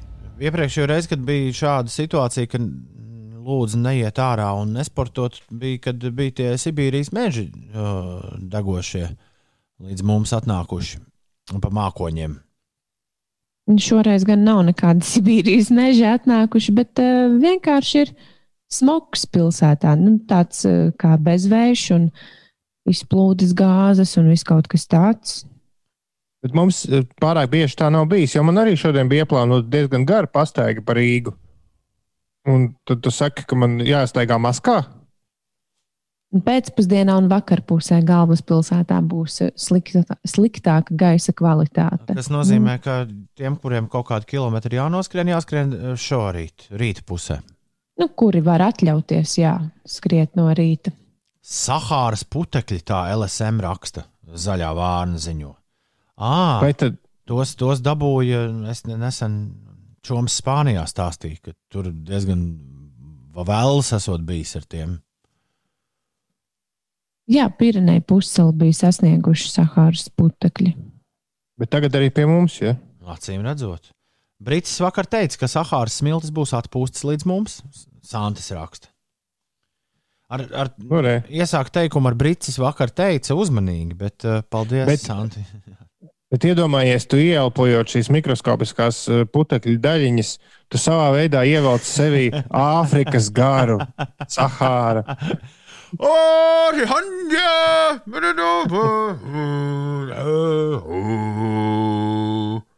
Sahāra. Orihanja! Ineses geogrāfijas spēle. Kāpēc, bet tu man vairāk atgādināji kādu indiānu, nevis, nevis uh, Atkal, ne, Āfrikas iemītnieku. atkal nebija, atkal nebija labi. Tu jau vienīgā zini, par ko mēs tagad runāsim. Aiziet. Jā. Labi, par to, par ko mēs tagad runāsim. Geogrāfijas spēlē pieci jautājumi no manis, piecas atbildes no jums. Viena dziesma parasti ir laiks apdomāties. Vai ne? Jā, jautājumi par dažādākajām tēmām. Nu, parasti par geogrāfiju, bet reizēm arī nē. Nu, aiziet. Labi. Es domāju, ka vismaz uz diviem jautājumiem jūs noteikti pratīsiet atbildēt. Un pirmais jautājums ir, kur notiks 2022. gada Ziemas Olimpiskās spēles?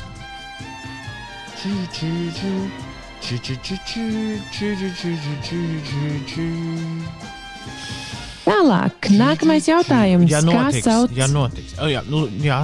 Nu, jā, bet uh, plānotas ir. Latvija ir saņēmusi ielūgumu, visi gatavojās, un tad jau redzēs, kas notiks. Bet jā, jums ir jānosauc vieta, kur tās notiks. Otrais jautājums. Kā sauc kalnu sistēmu, kas stiepjas pāri Itālijai un San Marino un ziemeļos savienojas ar Alpiem? Kalni, kas stiepjas pāri Itālijai. Kalnu sistēma. Nu, labi, labi. Aiziet. Šo jautājumu, man liekas, ja ne šādā formā, tad kaut kā līdzīga es esmu iekļāvusi iepriekš geogrāfijas spēlēs, un es domāju, ka jums arī nebūs nekādas problēmas atbildēt. Kāds ir otrs nosaukums, kādā mēdz dēvēt Pireneju pussalu? Okay. Ceturtais jautājums. Kur notiks 2022. gada FIFA pasaules uh, kauss?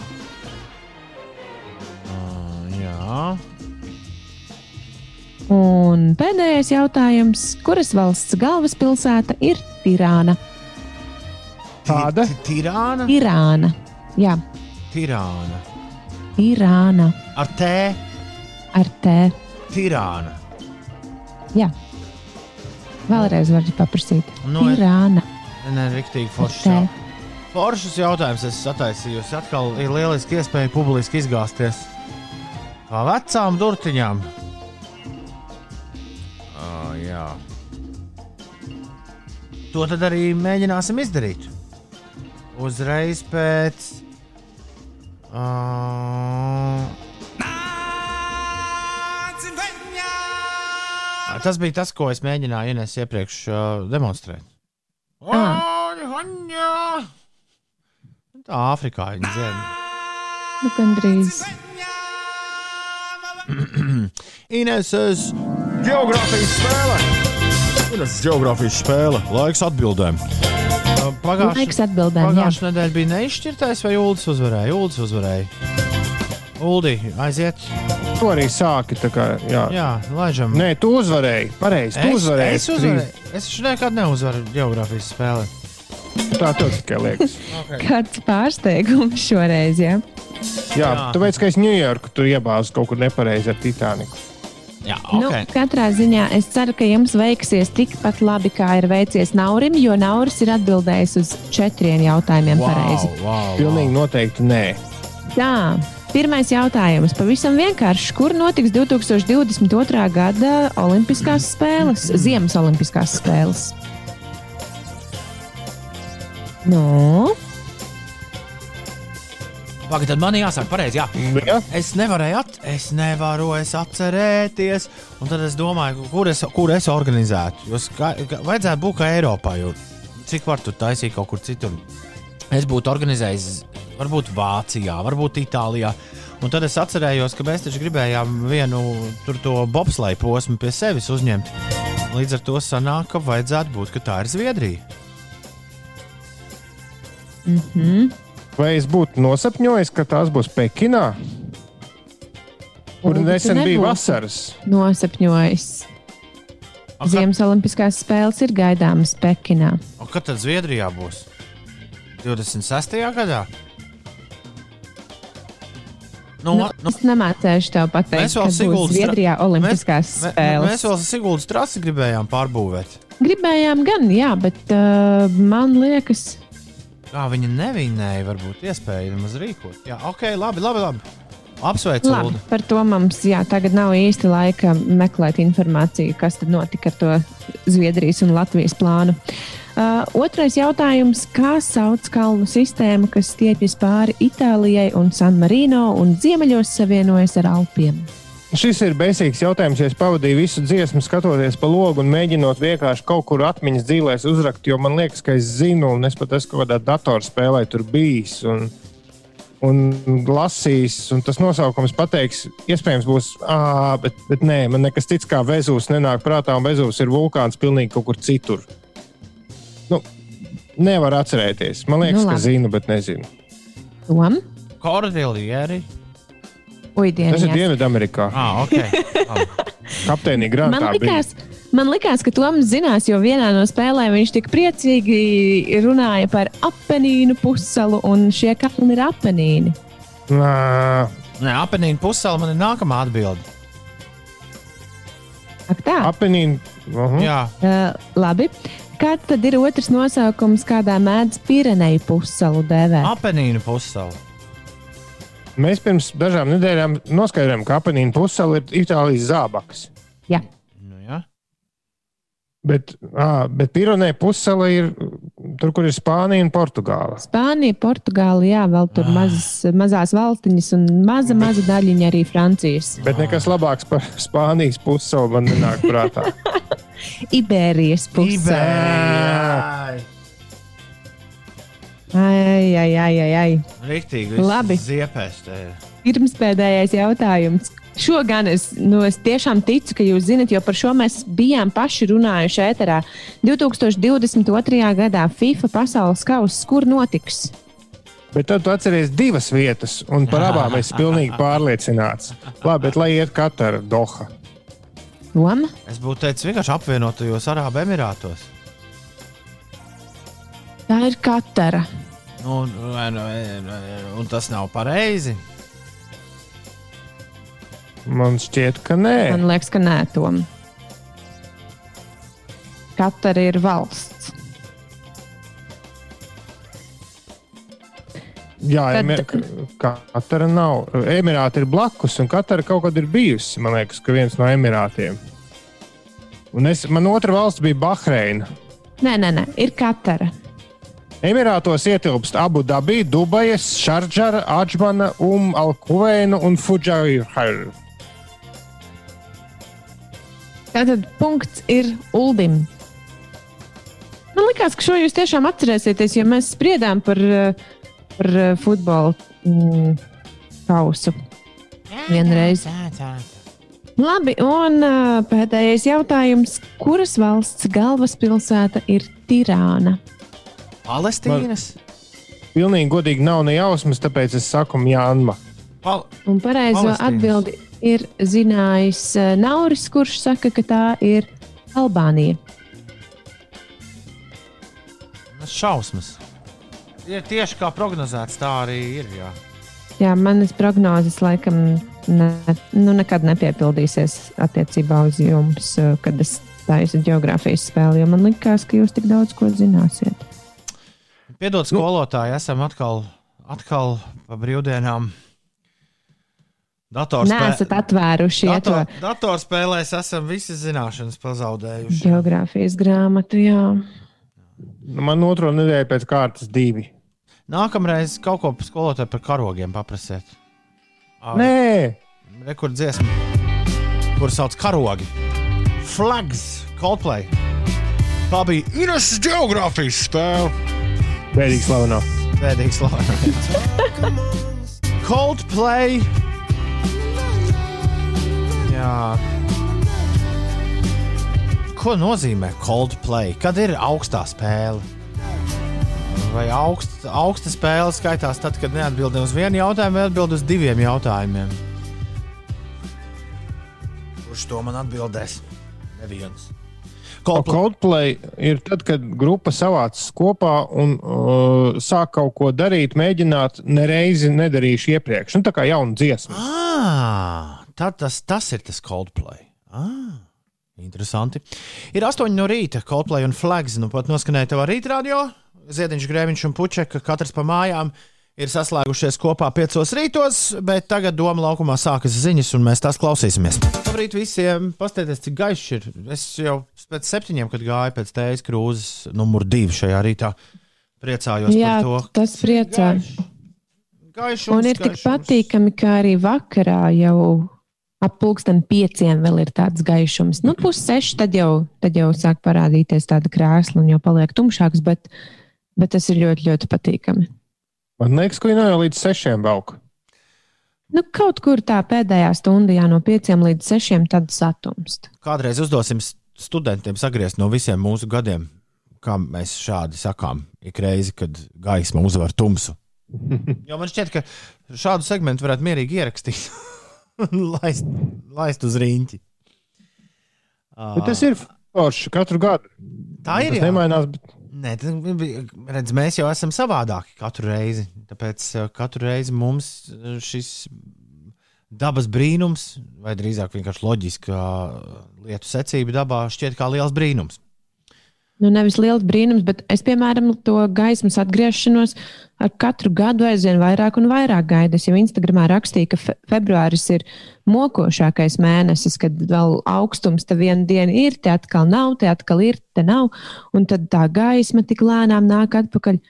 Man ļoti priecē tā pavasara tuvošanās. Mm, viņš te jau ir, pasties, nāk iekšā jau. Nu, it kā jā. pavasari! Jā. Bet es esmu pilnīgi pārliecināta, ka martā noteikti būs kāda nedēļa, kad pēkšņi būs ciruļputenis un augstums. Labi, būs tā vai nebūs, to rādīs laiks. Bet uh, šobrīd ir forši, un rīt būs forši, un ceturtdien būs šašliks, un vispār viss būs, viss būs pa pirmo. Septiņas minūtes pār astoņiem. Ai, nē, jau astoņas minūtes pār pulksten astoņiem. Pirmdiena, 22. februāris, 2021. gads. Šeit Latvijas Rādio 5, 5 LV, 5 rīti, labrīt!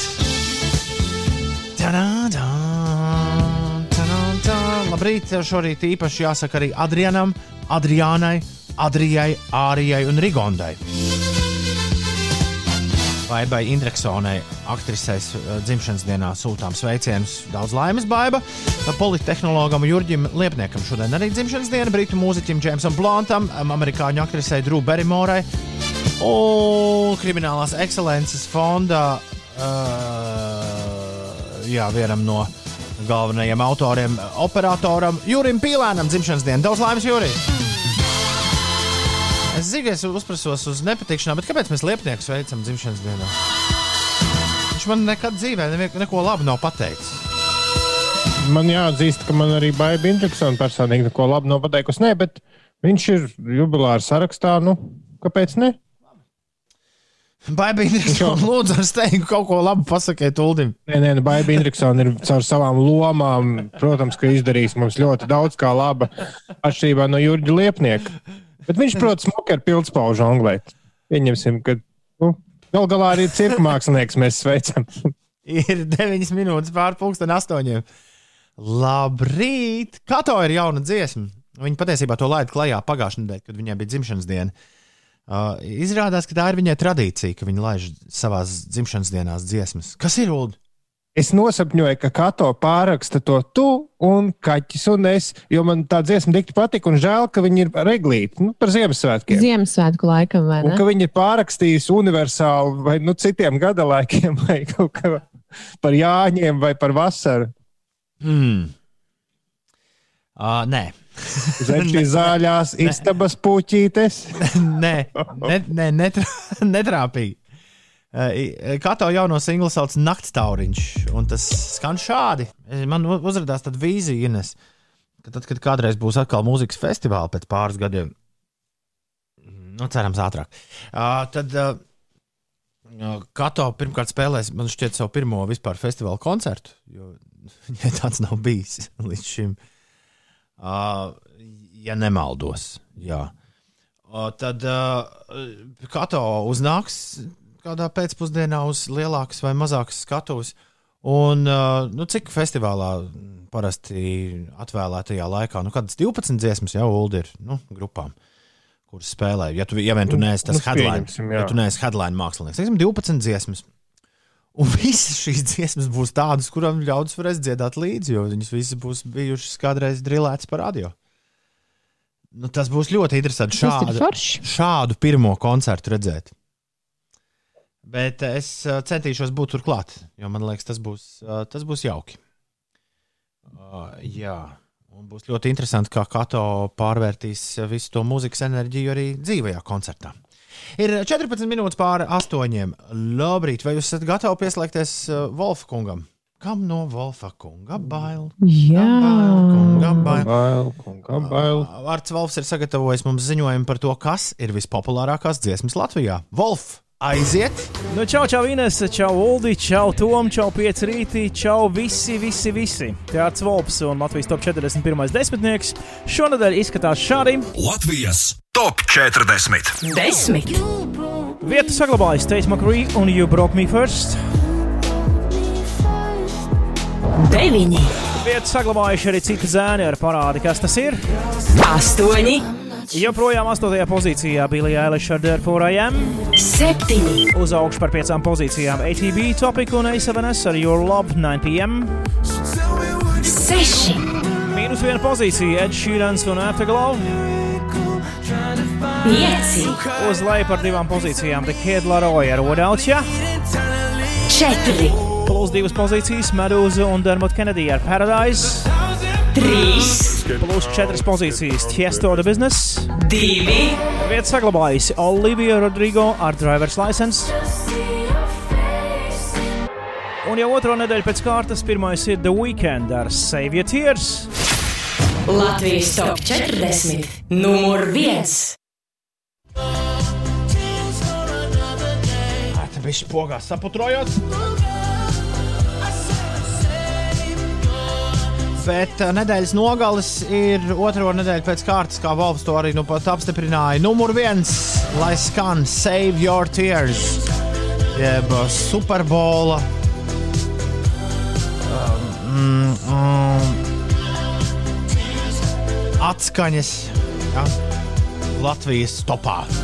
Aiziet, kamēr es te dziesmas lieku, tikmēr Ulas un Ines eh, pļāpā. Par ko jums bija laba vārdu apmaiņa?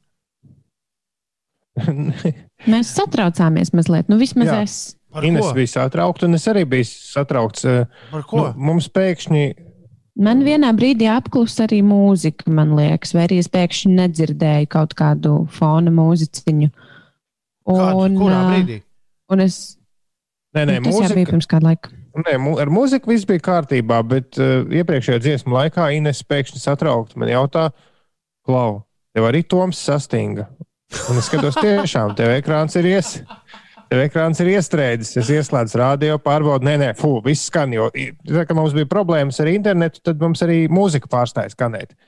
Es pārbaudu, nē, nē, viss skan, bet Toms tiešām ir sastindzis. Un tad tikai tad pēkšņi tāda monitora gaismiņa sāka sejā žvidzēt. Un... Sapratām, ka tu vienkārši Un, biji. un tad tu pavisam kaut kā pavisam nemanāmi pakustējies. Bet tas ir labs joks, ja jums šodien ir kāds zūms sapulcs, pamēģiniet pasēdēt pilnīgi nekustīgi. Kādu brīdi. Tad, kad jūs prasat, kas to notika? O, nē, nē, viss kārtībā.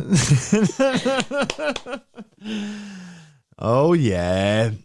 Ir uh, 8,24. Ines, tev mums jāizstāsta, kas notiek. Jā.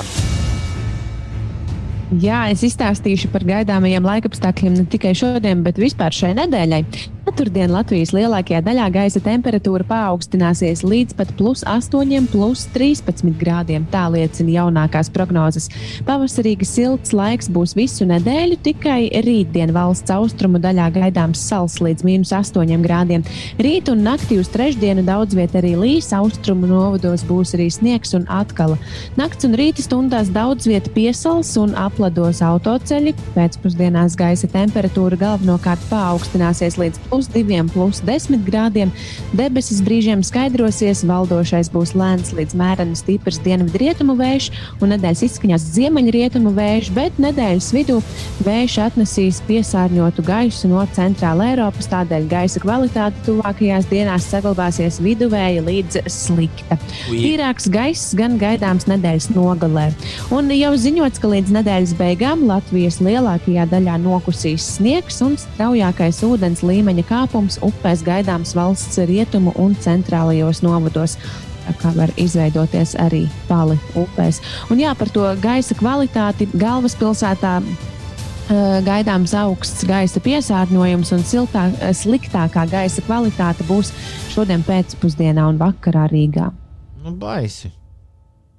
Tagad sportot nevar. Diemžēl, jā, jo man arī šovakar bija paredzēts skrējiens. Nu, kas tas tagad būs? Sliktais gaiss. Jā, nevar saprast, cik tālu no tās galvaspilsētas jābrauc ārā, lai varētu paskriet labākā gaisā.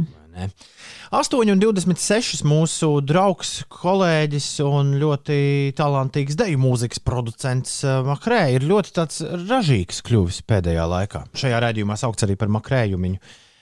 Uh, Makrē, jā, laiž singlu pēc singla uh, ārā.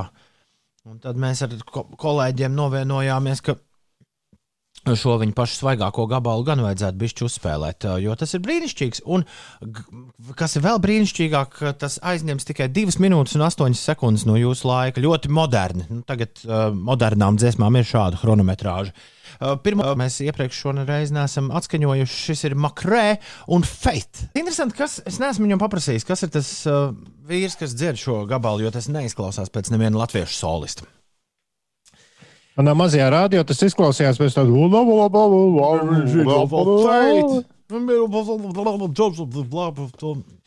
Uh, nē, nē, tik traki nebija. uh, paldies, Makrē, par feitu. Mēs šo noteikti paklausīsimies vēl kādu reizi. Paskatīsiet, vērīgi viņi ir pamanījusi, ka astoņos ziņās uz sekundi bija it kā izziņa pienāktu skaņa. Uh, nu, vismaz ievieta ir vienīgā, kur ir to atrakstījusi. Viņai šķiet, ka tam ir kāds sakars ar manu sastingšanu pirms, pirms maz mirkļa. Bet tā nav. Iveta, es, es domāju, ka mēs neie, neiedziļināsimies tehniskos sīkumos, kāpēc ziņās ieskanējās pa vidu. Nu, es domāju, Es vienīgi labprāt, vienīgi es varu atzīties, ka es biju sūtītājs. Jā, tas gan. Labrīt, mums ar sievu ir uznācis latviešu seriāla maratons, raksta Madars. Un vakar uzdūrāmies tādam saldā indes garša. Vai viens no aktieriem tiešām bija grēviņa kungs, vai vienkārši kāds ļoti līdzīgs? Es skatījos, man tur atkal likās, ka tur viens bija Miķelim Rēdlikam līdzīgs. Tur hokejists kaut kāds, jā, Rēdlis. Klau. Tur ir uh, Madara uh, life hack. Seriālos beigās ir rakstīts, kas ko spēlē. Nu, tur parāda titros. Var arī iegūlēt priekšā? vārdu, uzvārdu un seriālu nosaukumu. Klau, klau, klau, klau, klau, klau. Ines. Vakar Uldis, Nu, man, Uldis man ievilka jaunajā, jaunajā radio klubhausā iekšā. Pirmo reizi. Mm -hmm. Jo Uldis vakar bija Jā, pulksten, mums pulksten deviņos par vēlu. Uldi. Tas ir, tev ir ātrāk jāorganizē. Ja tu taisīsi vēl kādus raidījumus, tur uh, Uldis klubhausā bija uztaisījis diskusiju par Twitteri 20. Nē, 12 gadu garumā. Uldim vakar bija dzimšanas diena. Uldis 12 gadus ir bijis Twitterī. Un tad, Jā, un dzi- dzimšanas dienas, starp citu, bija 11. vakarā. Es jau līdz ar to es diezgan laicīgi to visu uztaisīju. Un, jā, es izlēmu uzaicināt, uh, uzaicināt Tomu, Wolfu un Arthuru Mēdni, kas man ir kaut kā asociējis ar to laiku. Tom, kā bija? nu, normāli. Nu, Nu, tā, tā kā šis, tā kā par šis ko tad tikai- jūs īsti runājat? šis tikai nevarēja neko redzēt. Un uh, bija ļoti struktūrāli Uldis visu izdomājis. Man vispār tā, jo nu, nu, visi brīvdienas klubhausa skanēja fonā. Es dzirdēju, kā Grēviņa kundze to klausās. Un vispār man tāda sajūta, ka tā ir tāda ģimenes studija vai monopols vienkārši non-stopā, kas iet visu laiku pa radio bez dziesmām. Nu, jā, vienkārši visu laiku. Bla, bla, bla, Un ļoti interesanti. Vai es esmu pareizi sapratusi, ir atsevišķi cilvēki, kas uh, šajās sarunās drīkst uh, runāt un piedalīties, un ir uh, auditorija, kas vienkārši klausās. Ja? Ir Vai arī tā moderācija. auditorija var runāt? Auditorija var iesaistīties, bet tur moderatoram ir ļoti svarīga loma, lai visu to pare- pareizi saprastu. Uldis bija moderators. Jā, savā. tā kā es šo biju uztaisījis, es biju moderators, un es jebkuru varēju, jebkurš var pieteikties, runāt, un es viņu apstiprinu. un Tad var tā kā pajautāt, vai pats kaut ko arī parunāt. Bet bija ļoti jauki, jo ne, tas, tas, kas ir maģiski, Ines, ka šādu diskusiju, piemēram, Mūldis uzsāk, un tad pēkšņi parādās, jo bija runa par to, ka es biju pirmais, kurš par radio sāka, un iespējams arī televīzijā bija pirmais, kurš pieminēja Twitter runāt. Bet tad pēkšņi uzrodas cilvēks, kurš uztaisīja pirmo sižetu panorāmā par uh, Twitter. Viņš ir reāli tur uz vietas. Tad uzrodas uh, dāma, kur uh, atstāsta savas emocijas par to, kā viņa 9. februāra Deputāte, starp citu. Ne, tā bija cita Ā, nē, dāma, kas- kas tā 9. bija cita. februārī bija klausījusies radio un kur atceras to pi- pirmo brīdi, kad es par to Twitterī sāku runāt. Tad tur vēl kāds atgādina kaut ko tādu, ko vispār es biju jau aizmirsis, kas tur ir bijis. Un beigās vēl ierodas Valdis Melders, kurš, kurš uh, stāsta par to, kā Twitteris viņa dzīvi izglābis. Nu tā kaut kā. Tas Bet tas Twitter ir bijis acīm redzot ļoti mm, svarīga, nozīmīga interneta sastāvdaļa. Ja, ja par to ir svarīgi atcerēties, kurā brīdī Man šķiet, ka pirms, man šķiet, ka pirms tur. Twitter mums nebija Inese sajūta, ka nu, patiešām mēs esam. ir ar ko parunāt? Nē, ka mēs patiešām esam viena uz. Ka jebkas, kas notiks uz zemeslodes, uzreiz mums būs zināms. Šāda sajūta neeksistēja pirms Twitter. Mm -hmm. Man Un ka liekas, tu ka tas parādījās ar, uzzināt, ar, ar Twitter. Nu, tas mums ir pilnīgi Ka visiem tu skaidrs, ka ja tūdaļ kādas pat kāda- slavenības, jā. jā, ja tūlīt pat uh, tu, tu, tu, kaut kas nelāks vai lāks notiks ar kādu slavu, slavenu cilvēku, mēs to uzzināsim 5 minūšu laikā. Un pirms Nē, Twitter bieži tāds vien arī dažādas valdības vai deputātu lēmumus mēs mēdzam uzzināt Twitterī. Nu, jā, vai arī kāda tur uh, dziedātāja izbijuši uh, pārdomas par dzīvi. Bet uh, iedomājieties, Ines, pirms tiem 12 gadiem vai, vai pat 13. Uh, fakts, ka, ka tas latviešu puisis, par ko mēs esam šeit arī runājuši, šādā eterā, uh, Jānis Krūms, fakts, ka viņš ielika Twitterī bildi ar lidmašīnu, kas ir nolaidusies uh, Hudzonas upē, kas šobrīd liekas pašsaprotami. Tur būtu uz tā prāmja, man liekas, visi būtu ielikuši pa kādai bildē, mm -hmm. Instagram, Twitterī. Uh, tad šis fakts, ka viņš ielika bildi Twitterī ar uh, negadījumu no notikuma vietas, uh, viņš ar šo faktu nokļuva pilnīgi visās ziņu aģentūrās, visos leitnaitu šovos. Tikai tāpēc, ka pirmo reizi kāda privāta persona bija ielikusi notikumu internetā. Jā, mm -hmm. un ar to tas, ar to tas sākās. Un tas ir arī tas, ko Kurā gadā vakar- tas bija? Kaut kāds 2009, 8 krūma notikums, man liekas, bija mazliet iepriekš. Vai, Jā. nē, vai pēc tam? Jo Nu, nav, Jā. nav svarīgi, bet apmēram pirms 12 gadiem. Twitter tika uztaisīts un palaists 2006. gadā, 2009. trīs gadus vēlāk mēs sākām to pamatīgāk lietot Latvijā. Jā, šis notikums Jāņa Krūma dokumentētais bija 9. gada janvārī. Tātad ap to pašu laiku pirms 12 Bet, bet es gadiem. esmu ļoti laimīgs, Ines, ka man nav šodien jāuztraucas par to. Pēc raidījuma, hm, kas nezinu, tagad Clubhouse šodien notiks. Jo, jo sajūta ir tāda, ka vēl viena sajūta par Clubhouse, to no malas vērojot, ka tas ir kā nebeidzams festivāls lampa, kurā visu laiku sākas Jā. Diskusijas, beidzas diskusijas, sākas diskusijas. Cik var? Cik ilgi jūs Un izturēsiet? tu nevari. Un, nē, es, es, tā- Ines, tas- Ines tas, piekdienas eh, naktī viņi visi pavadīja līdz rītam. Uh, un čatojot uh, istabā, kur sauc bārs. Viņam bija bārs, kurā viņi visi stāstīja bāru stāstus. Visu nakti. Tur es biju tikai īsu brītiņu. Es nezinu, bet es īsti nejūtos kaut ko zaudējusi. Nē, nu, kā, nē, nu, es varu pateikt, ka Androidiem būs, un, un, un gan jau uztaisīs arī Twitter savu spēcīs, kas būs Clubhouse kopija visticamāk. Bet es, es varu pateikt tikai vienu āķi, kas, ja kādam ir uh, āboļu telefons un kāds domā, vai tur reģistrēties, tad piekdien vai sestdien naktī UFC cīņu komentēja kāds bariņš latviešu. Tad, man liekas, desmit cilvēki tur bija ar valdi, Valteru priekšu. Un viens no šiem latviešiem, eh, jo ieejot tajā klubhausā, tu neredzi lietotāju vārdu, tu redzi Kristaps un tādu jocīgu bildi ar cepurīti. Un tikai uzspiežot uz profilu, tu redzi, ka viņi sauc Keporzē. Oh, Un, visādi- un porziņš tiešām sēdēja un komentēja UFC cīņu. labais. Nu, tas, protams, ir jauki. Es iedomājos, bet, eh, es Ir iedomājos ka cilvēki, visi. kuri ikdienā nodarbojās ar mazāk fiziskām aktivitātēm, kā Kristaps, es drīzāk ieteiktu labākajā gadījumā šos clubhouse uh, diskusijas pavadīt kustībā, skrienot vai ejot, jo tas ir daudz svarīgāk nekā klausīties, kā citi runā. Bet es, To mierīgi var darīt. Bet, šā, bet šausmas, tur, tur, ko mēs, vecie mēdīju darbinieki, lai darām?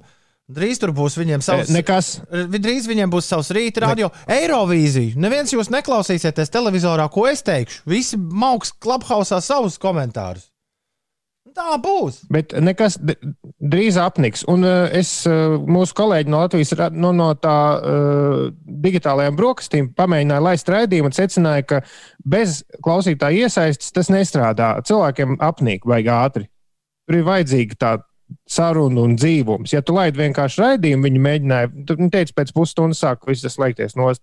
Bet uh, mēs varētu, Mieru, mēs varētu mieru, tas- mierīgi, piemēram, ja Inesē būtu ne- nepieciešamais gadgets, un man arī būtu savs gadgets, mēs varētu mierīgi rītu mūsu diskusiju laist nevis zūmā, bet uh, laist tur, un ik pa laikam tur pievienot kaut kādus cilvēkus klāt, kur var arī kaut ko no rīta nu, pateikt. nevis pat ne diskusija, bet tā būtu apspriede ar klausītājiem par dzirdēto. Nu, tāds kā QA pēc pasākuma. Ah, nu jā, jā. jā. Vai, vai meet and greet. Tā to varētu nosaukt. Bet nē, mieru tikai mieru. Tie, kas pagaidām vēl aplikācijā netiek, pēc nedēļas es pats no sevis jūtu, ka tas, tas tā sajūta, ka tev visu laiku ir jāskatās, tā pamazām izzūd. Un arī tas entuziasms visu laiku kaut kur runāt, izzudīs cilvēkiem. Un es ceru, ka paliks nu, tādas jēgpilnas un interesantas lietas, kā porziņš, kas komentē UFC cīņu, vai, vai kaut kādi sporta komentāri, profesijas aizkadra stāsti, kas ir ļoti interesanti. Uh, Bet, bet tas, tas oh, ārprāts, tas ir forši, tas mazliet noplūk. Mieru tikai mieru. Viss ir tā, viss notiek tā, kā tam jānotiek. Varbūt Ines tūlīt vēl viens sociālais tīkls jauns parādīsies. Jā, ar smaržām. nu, skaņa, bilde bija, video bija, skaņa ir. Kas tam mums paliek? Ne, ne, neizskatās. Ne, neizskatās, ka šis aizrauj Ines. Es tomēr, es tiešām esmu vairāk par kustīgu dzīvesveidu, nevis sēdošu. Nu, tad, labi, tad ar, ar, ar kustībām un aiztikšanu. Aiztikšana, kāpēc jāaiztiek? Nu, kaut kas? touching, kāda vēl maņa ir? Tauste. Vai ne? Ir bez 20 minūtēm, 7. Labrīt, 9. Labrīt! Labrīt! Celies augšā! Un lai feina diena. Adrianam šodien ir dzimšanas diena, daudz laimes. Adrianam šodien paliek astoņi. Viņš ir viens no mūsu pastāvīgākajiem ikrīt klausītājiem. Pagaidām, mums astoņi paliks, paliks novembrī, vai ne? Šis ir Astoņi gadi? Jā, Šis ir jā. īpašs. Adrians ir visu dzīvi pavadījis ar mums. Tas ir, tas ir varani, Adrian. Augstu laimu, un prieku un vispārējo. lai tev normāli dzimšanas diena, lai kaut kas garšīgs šodien tevi sagaida vakarā. Garšīgs un negaidīts. Tāds ir mans vēlējums tev. 293, 202, ja kādam arī vēl kāds vēlējums ir nepieciešams, bet šobrīd 8,44 Inês tavs laiks. Ja es aizdomājos par Adrianu, viņam paliek astoņi gadi, un mēģināju izdomāt, diez Adrianam šodien ir jāiet uz skolu vai nav jāiet uz skolu. Jo šodien klātienes mācības 1 līdz 4 klašu skolēniem tiks atsāktas 22 Latvijas pašvaldībās. Iepriekš eh, slimību un profilakses kontrolas eh, centrs eh, bija lēmis, ka var 25 pašvaldībās atsākt mācības, taču Skrīveru, Pļaviņu un Cēsvainas novada pašvaldības pašas tomēr nolēma, ka 1 līdz 4 klašu skolēni vēl šonadēļ turpinās mācīties attālināti no mājām. Tālāk par uh, situāciju uz autoceļiem. Latvijas valsts ceļi ir parūpējušies par valsts nozīmes autoceļiem. Vēl, jā, vēl jāatmest aicela ainaži un aizpute kuldīga. Tad visi lielie valsts autoceļi būs uh, apstrādāti ar pretslīdes materiāliem, bet um, apgrūtinoši braukšanas apstākļi vēl varētu būt par reģionālās un vietējās nozīmes autoceļiem. Tā kā visās malās viss kūst, tad droši vien ceļi ir apladojuši. Un eh, šodien, sildot saulē, gaisa temperatūra vietām kurzemē un zemgales rietumu daļā sasniegs plus 10 grādu atzīmi, bet valsts lielākajā daļā gaisa temperatūra plus 2, plus eh, 7 grādi. Pūtīs lēns vējš.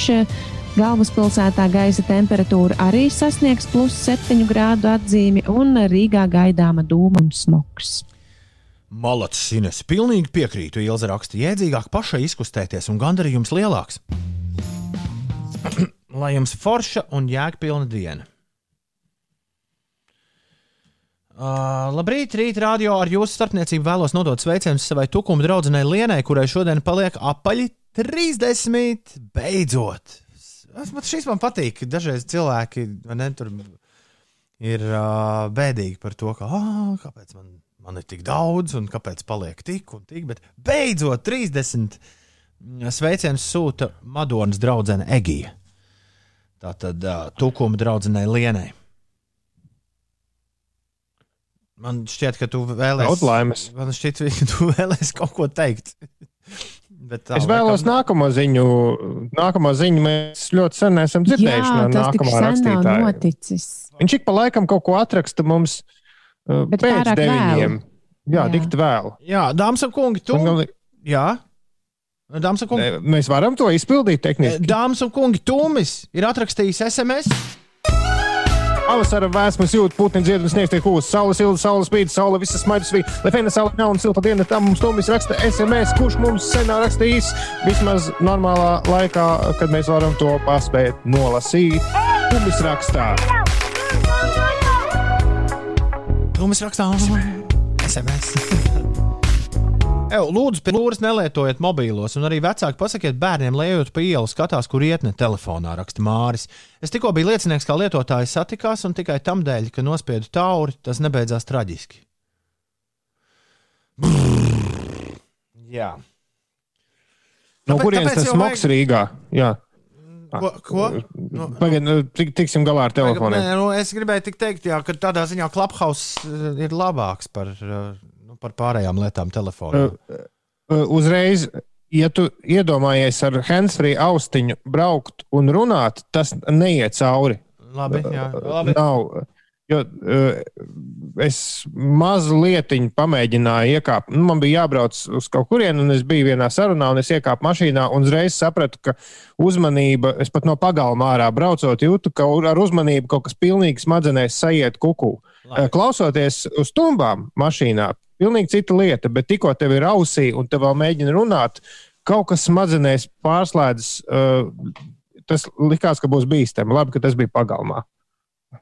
Tālūk. Un kāds jautā, no kurienes smogs Rīgā? Kā no Sahāras? Jā, Jā, no centrāla Eiropas mums ir sasniedzis uh, nu, tā nekvalitatīvāks gaiss. Mm. Labu rītu.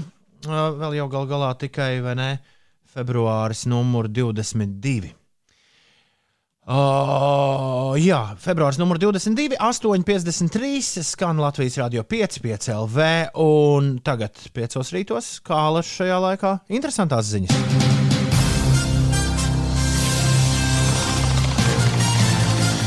Nu, tad beidzot, uh, Ines tā runā, kaut kas interesants būšot. Nu, tad nevar vien sagaidīt. Interesantās ziņas! Kamēr pie mums sākas atpūsnes, tikmēr citur pasaulē neiet tik labi, un mūs joprojām turpina sasniegt dažādi šausmu stāsti par sniegu Teksasā. Taču, kā jau tas mūsdienās notiek, ir arī skeptiķi, kas saka, viss ir izdomāts. ASV QAnon sazvērestības teorijas piekritēju vidū tie ir tie, kas tic ziņām no kāda mistiskā ASV valdošās šlakas insidera Q anonīmajām ziņām, kurās tiek atmaskots slepens sātana pielūdzēju pedofilu klubs ASV elitē, izplatījušas ziņas, ka Ines saturies. Sniegs Teksasā nesot īsts. Kāds to ir izdomājis? Internetā Jā. klejo vairāk video, kur ļaudis apgalvo, ka sniegs esot cilvēka radīts, jo to nav iespējams izkausēt ar liesmu, kamēr citiem dīvaini esot likusies sniega uzvedība mikroviļņu krāsnī un tam līdzīgi. Kāds Twitter lietotājs gan šim uh, pielicis traknu punktu ar izmisīgu tvītu: Oh, my God, mēs visi jau dienām ilgi kausējam sniegu uz plīts, lai būtu ar ko noskalot toleti. Protams, ka tas kūst. Uh, konspirācijas teorija piekritējiem gan no šī argumenta droši vien ne silts, ne augsts, jo tad, uh, jo kad tad viņus ir apturējis tāds sīkums kā fakti, vai ne? un, uh, un varbūt mēs varam palūgt tavu mīļāko sazvērestības teoriju top 2. Jā. Man ļoti patika doma, nu, plakanā zeme, protams, ir spēks pats par sevi, bet man ļoti patīk teorija, ka visi koki ir izdomāti mākslīgi radīti, jo īstie koki jau sen ir izmiruši. Un šis viss ir nu, cilvēku radīts kaut kāds tāds nu, fake koki.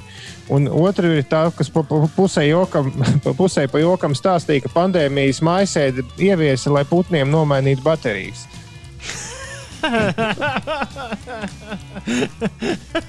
Lieliski. Turpinot par sniegu, kāds vīrs no piesniguša Ukraiņas ciema ar skaistu nosaukumu Gribova Rudņa sasvanījies. Sazvanījis vietējo policiju un atzinies baisā noziegumā. Viņš sastrīdējies ar patēvu un, būdams afekta stāvoklī, sadūris savu patēvu krūšu apvidū. Tā kā Gribova rudņa ciems jau vairākas dienas bijis pilnībā ieputināts, noziedznieks policists brīdinājis, ka tā vienkārši pie viņa atbraukt nav iespējams un noteikti būs vajadzīgs greideris, traktors vai kāds cits sniega šķūris. Policija dabūcīja sniega tīrītājs nav bijis vajadzīgs, jo ceļš tieši tajā dienā nošķūrēts. Liels bijis varas kalpu pārsteigums, asiņainas ainas vietā ieraugot zvanītāju patēvu, svai, sveiku un veselu, bez dūča krūtīs. Nopratinot zvanītāju, noskaidrojies, ka izsaukums bijis bez pamata, jo noziegums ir izdomāts. Kāpēc? Kungs bija Es neapmierināts. varu iedomāties, kāpēc. Kungs bija neapmierināts ar ceļu tīrīšanas kvalitāti, tāpēc izdomājis plānu. Ja noziegums būs pamatīgi smags, pa, lai policistiem jāierodas, viņi noteikti izšķūrēs sniegu. Redz, kā sanāca. Sniegu izšķūrēja tāpat arī bez policijas saukšanas. Bet kungam tagad būs jāmaksā sots par policijas nepamatot izsaukšanu un laika tērēšanu vesels 119 grivnas. No tās mēs pārkonvertējām. Sanāk 3,52 eiro. Nu, jā, bet nu, kāpēc nevar iztīrīt ceļu pie cilvēkiem? Inese, tu vari uzminēt, kura pilnīgi oficiāla sporta veida pārstāvis YouTube mākslīgais intelekts regulāri izmet ārā no live video translācijām un nobado kontus, pamatojoties ar agresīvu, rasismu un vardarbības popularizēšanu.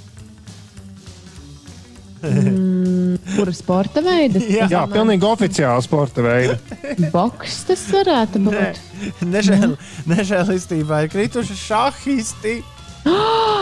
Kā tā? Uh, presi apskrēja. lamājas.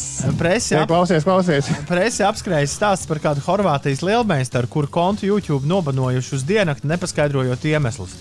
Un veicot sīkāku izpēti, atklājies, ka viņam tiek pārmesta regulāra bīstamu atslēgas vārdu lietošana. Melnie, balti, apdraud, Ā, nokaut. Nē, Tagad šāda komunas pārstāvji pieprasījuši YouTube pārstāvjiem veikt izmaiņas mākslīgajā intelektā, vai arī viņi pārvāksies uz Vimeo. Visu šādu komunitī. Jā, nu, tādi ir tie laiki, kuros dzīvojam, un, un, un, un tā arī dzīvojam, tik uz priekšu. Ir atlikušas divas minūtes līdz raidījuma beigām. Es nespēlēšu dziesmu, bet ko teikt arī īsti vairāk nav. Nu, Man bija vēl viens īsts stāsts, es nezinu, vai to vajag stāstīt, bet, bet pieņemsim, ka jaunieši cilvēki jau sākuši mācīties.